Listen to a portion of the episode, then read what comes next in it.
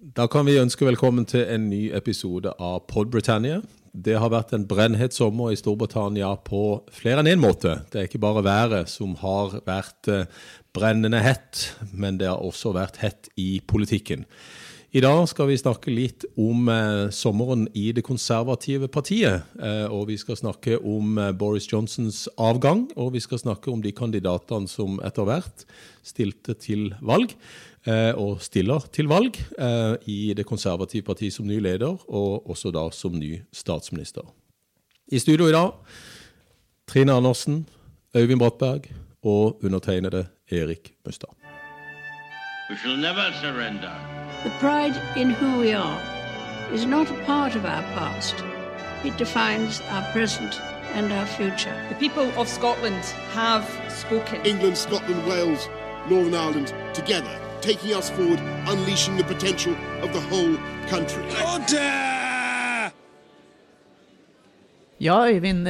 Vi har også hatt, som Erik sier her, en brennhet politisk eh, sommer med intense diskusjoner i eh, det konservative partiet. Vi står igjen med to kandidater som kjemper om å ta over etter Boris Johnson. Det er Liz Truss og det er Rishi Sunak. Men parlamentarikerne, de ville ha Sunak. Ja, dette begynte jo med et ganske stort antall mulige kandidater og, og febril eh, diskusjon og mange spådommer den eh, uka hvor Boris Johnson gikk av. Og da er vi tilbake i starten av, av, juli. Så ble det jo ganske raskt gjennomført, disse voteringene i den konservative parlamentsgruppa, hvor man etter eliminasjonsmetoden stemte de ut én etter én. Og til syvende og sist så var det så var det de to som sto tilbake, som jo har hatt de tyngste vervene i Boris Johnsons regjering Liz Truss som utenriksminister, Rishi Sunak som, som, finansminister. Så på den måten eh, kan man kanskje si det er forutsigbart ut fra eh, politisk tyngde og slik. Sunak vant alle avstemningene, mens eh, Ja, i parlamentsgruppa. I parlamentsgruppa, mens Liz Truss kom kom med som nummer to, hun klatret opp som nummer to i, i aller siste runde, slik at det var Sunak som jo hadde forspranget i den politiske eliten i partiet. Men så har dynamikken endret seg. Den endret seg egentlig ganske raskt idet man kommer ut til, til, fotfolket og vanlige partimedlemmer. Debattene som finner sted, meningsmålingene som gjøres eh, på grasrota i partiet. Så avtegnet det seg ganske raskt et bilde hvor Liz Truss eh, hadde et forsprang, og det forspranget har hun tatt godt vare på blant all eh, skittkasting og ganske så heftige debatter. Det har ikke vært noe vakkert syn. Men det som har vært ganske stabilt underveis, er at hun har hatt en, en solid ledelse. Og den ledelsen ser hun ut til å holde på frem til, eh, til målsnøret. Og den offentliggjøringen av resultatet som vi får 5.9.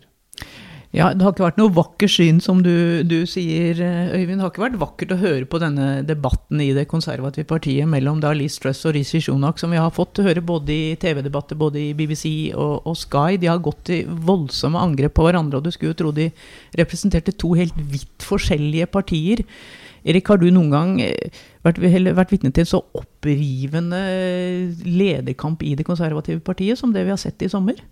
Nei, jeg tror ikke vi har sett den, eh, den uh, retorikken fra kandidatene uh, siden Margaret Thatcher og Edward Heath tilbake på, på 70-tallet. Uh, så det har vært veldig splittende, kan det virke som for oss. Vi er jo ikke vant til at så store partier har så vidt forskjellige politiske syn som vi har sett med Rishi Sunak, med Liz Trust og for så vidt også med de andre kandidatene. Så, så her er det jo en, en tradisjon som ikke vi eh, gjenkjenner i Norge. Eh, og jeg må si at jeg var litt eh, overraska over temperaturen i noen av disse debattene, og graden av skjellsord som fløy veggimellom mellom kandidatene, og spesielt nå mot slutten, når vi begynner å nærme oss eh, målsnøret, som Øyvind sa. Og så representerer de jo da fløyer i partier. Disse store partiene har jo mange fløyer. De rommer veldig mye. Det er et stort hus, som de sier selv. Og at takhøyden da også er stor. Men eh, vi har jo sett et veldig splitta konservativt parti med Boris Johnson som leder og som statsminister. Eh, og eh, per dags dato så virker ikke det som om at disse uenighetene er over. Eh, så får vi se da når den nye lederen er på plass, eh, for da vil jo den fremste oppgaven være å, å prøve å samle dette splitta partiet. Ja, og, og klarer den altså det, Nå ser jo alt ut som det blir Liz eh, Truss, Øyvind, og det er jo litt av en oppgave hun kommer til å, å få, da. Tror, hvordan, hvordan skal hun klare å, å, ikke bare samle partiet, men også, også landet? Det er en utfordring av urovekkende omfang. Det tror jeg vi, vi i alle fall kan uh, uten videre si.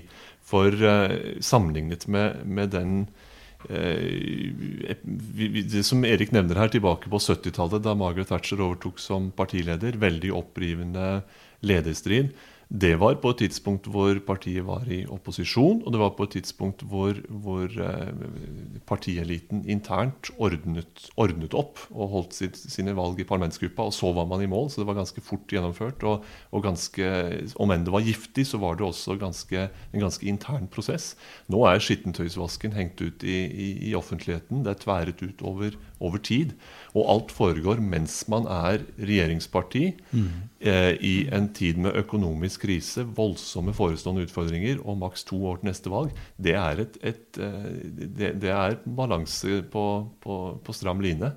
Og en um, veldig oppgave som den det blir, kommer til å stå, stå overfor fra september og, og fremad. Allerede nå så får man jo høre at, at Eh, regjeringen seiler eh, av gårde på, på åpent hav og mangler, mangler, en leder, og man er nødt til å komme i gang og få tatt de viktige beslutningene. Så det i seg selv, tiden er, eh, man har dyrebar tid her. Og når man først får skifte eh, i, i, september, hvordan den samlende strategien skal se ut, er sannelig ikke godt å vite. Fordi de to lederne er preget av, eller to lederkandidatene preget av såpass stort eh, personlig fiendskap og vidt forskjellige strategier, ikke minst økonomisk strategi, så, så, trenger man noe mer enn en sånn winner takes all-tilnærming. Man trenger å få med seg hele mannskapet på, på, den, eh, på ferden videre. Og hvordan det skal se ut, det er ikke godt å vite. Nei, og, og det som vil forundre oss litt her, er vel at Eh, Boris Johnson gikk jo da sa at han skulle gå av Det var vel den 7. juli, hvis jeg ikke husker helt feil. Og, og 5. september, altså nesten to måneder, er Storbritannia da uten en fungerende regjering. Boris Johnson har jo sagt at han ikke skal ta noen viktige beslutninger i den perioden. Og det skjer altså i en tid hvor landet står i en kjempekrise, hvor eh, folk strever voldsomt med økte strømpriser. Virker jo, altså det virker jo helt merkelig at de kan ha en sånn prosess midt i en sånn krise. Ja, vi har jo sett eh, galopperende priser eh, nå, og det har vært veldig mye snakk om levevilkår eh, i Storbritannia, som det har i mange land i Europa, også her i Norge. Men eh, vi, vi, ser jo at uh, der er ingen retning, som Øyvind sier. Uh, der er ikke lagt klart no, noen politisk, ideologisk retning, og det har det ikke vært siden valget i 2019. De fikk brexit unnagjort, men så har det stått stille. Og det har vært covid, og det har vært Partygate, og det har vært hurra meg rundt overalt for Boris Johnson, som da endte den 7. juli med at han måtte trekke seg. I beste Hamlet- og Shakespeare-stil, får vi vel kanskje legge til. Får håpe at ikke alle dør på slutten som de gjør i Hamlet. Men det er klart at dette her er en lang prosess, eh, og, og han er en såkalt lame duck, for at han, han, og det har han vært lenge, kanskje, før 7. juli òg. Men det, det, er en lang prosess med å få inn en ny leder. og Hadde vi fulgt de gamle reglene til det konservative partiet, så hadde Sunak vært leder ganske kjapt. Fordi at man nå kjører det ut til partimedlemmene. Og det er der tida går. Eh, og, og, dermed så, så, blir de sittende i en sånn mellomposisjon hvor de da ikke klarer å få eh, lagt noe, noe, styring på ting. Jeg har en utfordring til, til Erik i lys av den økonomiske politikken som Boris Johnsons regjering har ført. Mm. Hvor er det de to eh, kandidatene er så grunnleggende uenige? Hva er det hver av de to egentlig ønsker seg som strategi i møte med, med inflasjon og energikrise og alt det vi står overfor? Ja, det har vel vært ganske åpenbart at Truss tar opp arven etter eh, vår gamle venninne Margaret Thatcher og ønsker lavere skatter. Eh, mens Sunak ønsker en litt større stat og ligger litt ned mot eh, mer sosialliberalistisk retning i forhold til at staten skal gå inn og hjelpe eh, vanskeligstilte områder, spesielt i Storbritannia. Og det har jo vært noen utsagn på begge sider som har fyrt opp partimedlemmene på hver sin side i, i det konservative partiet. Eh, at denne Liz Truss, lave skatter som vi ser igjen fra, fra 70-tallet og Margaret Thatcher kanskje, eh, har avstedkommet enorm kritikk fra den fløyen som ser at det er nødvendig å hjelpe en så trengt britisk befolkning som lider, eh, som mange andre europeiske land som vi nevnte. Eh, og da er de nokså ideologisk forskjellige i måten å håndtere økonomien på. Og, og det tror jeg kanskje vil være avgjørende nå. Eh, i årene som kommer. Derfor er jeg litt overraska også, selv om det er veldig mange gamle partimedlemmer. Og det er kanskje grunnen til at Truss ligger såpass godt an på meningsmålingene. Eh, men jeg er også overraska over at eh, de omfavner den gamle Thatcher-modellen som kanskje Liz Truss står for, og ikke ser behovet for å, å gå inn og være mer avlastende for en sårtrengt britisk befolkning vet ikke om det svarte på spørsmålet. Eksamen bestått. Ja, ja. Men det er, jo, det er jo noe gjenkjennelig der også i, i, hvordan det går både politikk og fag i de mest betente diskusjonene. Altså mm. økonomifag spesielt. Da, for det preget også Margaret Thatchers første tid som, først som eh, partileder i fire år, dernest som, som eh, statsminister med en sjokkdoktrine fra 1979 og videre. Mm. For det er jo et spørsmål om, om ikke bare om um, ideologi og om hva man ønsker seg av stat og marked og slikt, men også hva som faktisk virker. Ja. Ikke minst hva som virker i det å bekjempe inflasjon. Mm. Og der er jo fagøkonomer også veldig uenige mm. om, om det som Liz Truss foreslår, er en en slags selvmordsstrategi, mm. eller om det er riktig vei ut av, av krisen. Mm. De som er kritiske til henne, sier jo at, at, det å kutte skatter og på en måte la mer penger seile rundt i økonomien, la folk på en måte få mer å rutte med ved bare å, å, å, kutte skattene, ta opp mer lån, at det vil være enda mer inflasjonsdrivende, og at dermed renta vil gå enda mer opp, at statsgjelden vil øke, at dette vil gjøre krisen verre enn noensinne. Mm. Det er de som mener. Eh, mens andre sier at, at dette er raskeste vei til å bedre eh, levekår og kjøpekraft, så la oss bare gjøre det, så kommer ting til å gå seg til. Mm. Og det er ideologisk riktig hvis man ønsker seg mindre stat. Mm. Så dette er en litt sånn, eh, det er jo en intern diskusjon på, på høyresida, og det er en diskusjon hvor innmari mye står på spill, også for troverdigheten til Torryene som regjeringsparti, om de er i stand til å styre skuta trygt, rett og mm. slett. Mm. Og, og, akkurat det siste der, tror jeg, når de sitter der, disse ca. 150 000-60 000 partimedlemmene, og skal velge Spørsmålet som vi tar opp her nå, eller spørsmålene vi tar opp her nå, er nok av mye større eh, betydning enn det de kanskje er klar over. For, fordi at dette betyr så veldig mye for den retningen ikke bare det konservative partiet kommer til å gå i eh, etter den nye lederen er på plass. Eh, og ikke bare i forhold til samling av partiet, men for Storbritannia som land i den verdenssituasjonen med økonomien som styrende element i de årene som kommer. Og det er kun to år, som du nevnte, Øyvind, eh, fram til neste parlamentsvalg.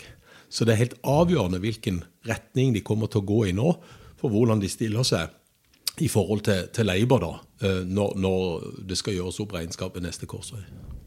Men i, i, i, hvor stor grad tror dere at uh, Rishi eh, nå uh, henger etter også fordi at han blir jo anklaget for å være den som virkelig dolket Boris Johnson i, i ryggen. Vi skal jo være klar over at Boris Johnson fremdeles har veldig mange tilhengere i det konservative partiet. og en meningsmåling gjort i, i Observer nå på, på, søndag viser jo at dersom Boris Johnson hadde stilt dette valget, så hadde han suverent slått både Liz Truss og Rishi Sjonak.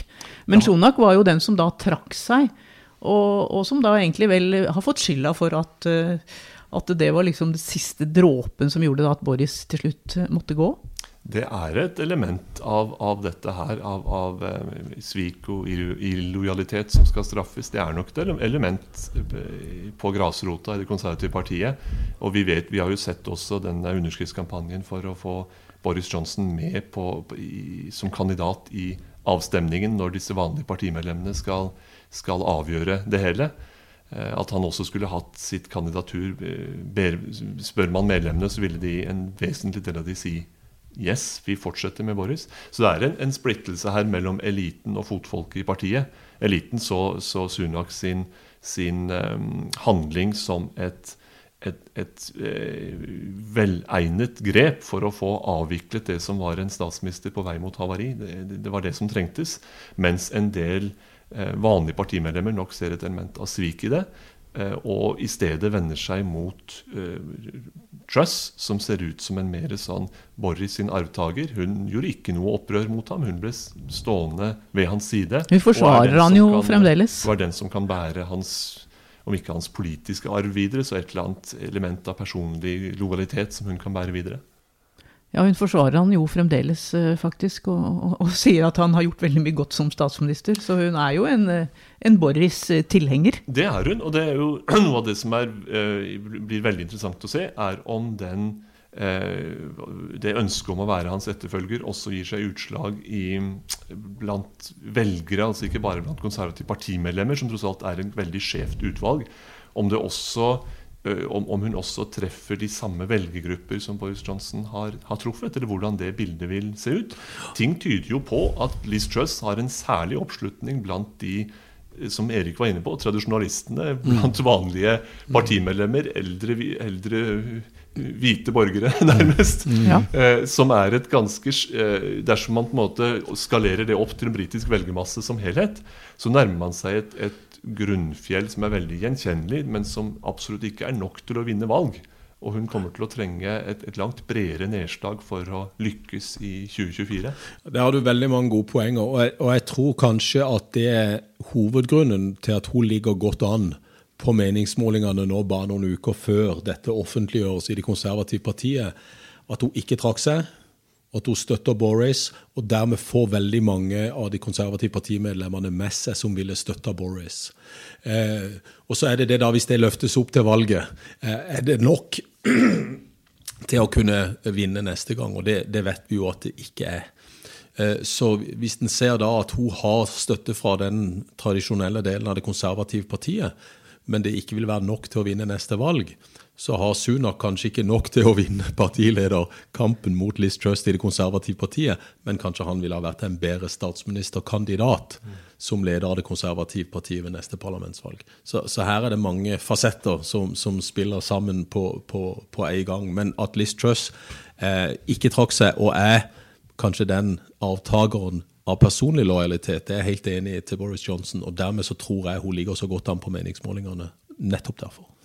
Men dere snakker om at det er to år til neste valg, men det kan vel være her at eh, dette parlamentsvalget kan komme raskere? Nå er det jo sånn at statsministeren igjen kan bestemme når han, eh, når han eller hun vil skrive ut et nyvalg. Vi så jo hva Therese May gjorde. Hun skrev ut et nyvalg ganske kjapt, og, og, og det var vel den største tabben hun gjorde som, som statsminister. Mm. Er, den, den prosessen er jo uforutsigbar. Et, når en statsminister først har fått fotfeste, så er det mulig å gjøre grep. Gordon Brown i sin tid burde jo ha gjort det da han overtok i 2007, men, men, men holdt, holdt eh, han, han ble bare stående, og så lot han eh, sin tid som statsminister løpe hen med stadig synkende popularitet og stadig nye vanskeligheter, istedenfor å få et nytt mandat som bare var hans fra begynnelsen, da han hadde litt medvind. Jeg tror ikke noen av de to vil ønske et raskt valg. Til det er kriseforståelsen for overveldende, og de trenger tid til å ta, la ting feste seg. De kommer også til å uh, ta tid, uh, og spesielt for Liz Truss, så vil hun, vil hun trenge tid til å, å på et vis få et, eh, et politisk program ut som har appell hos folk flest. Nettopp dette vi var inne på. Det er noe som minner om om overgangen fra sånn primærvalgkamper i, i amerikanske presidentstrider, dette her, hvor Liz Truss spesielt har vært så beinhard i så mange spørsmål som har en, en viss appell i, på grasrota, enten det dreier seg om brexit eller eh, holdningen til, til skotske nasjonalistpartiet, eller holdningen til, til forholdet mellom stat og marked, og sånn, så kjører hun en til dels mørkeblå linje. Og den må hun justere seg bort fra før partiet skal gå til valg neste gang og møte hele den britiske velgermassen. Så det kommer hun også til å trenge tid på som statsminister. Jeg er helt enig, og, og, jeg tror ikke det blir noe kjapt valg her. Jeg tror de kommer til å sitte så lenge de kan. Nettopp fordi at en ny leder må ha tid på å finne sin profil, finne sin politikk, og ikke minst appellere til så mange som mulig.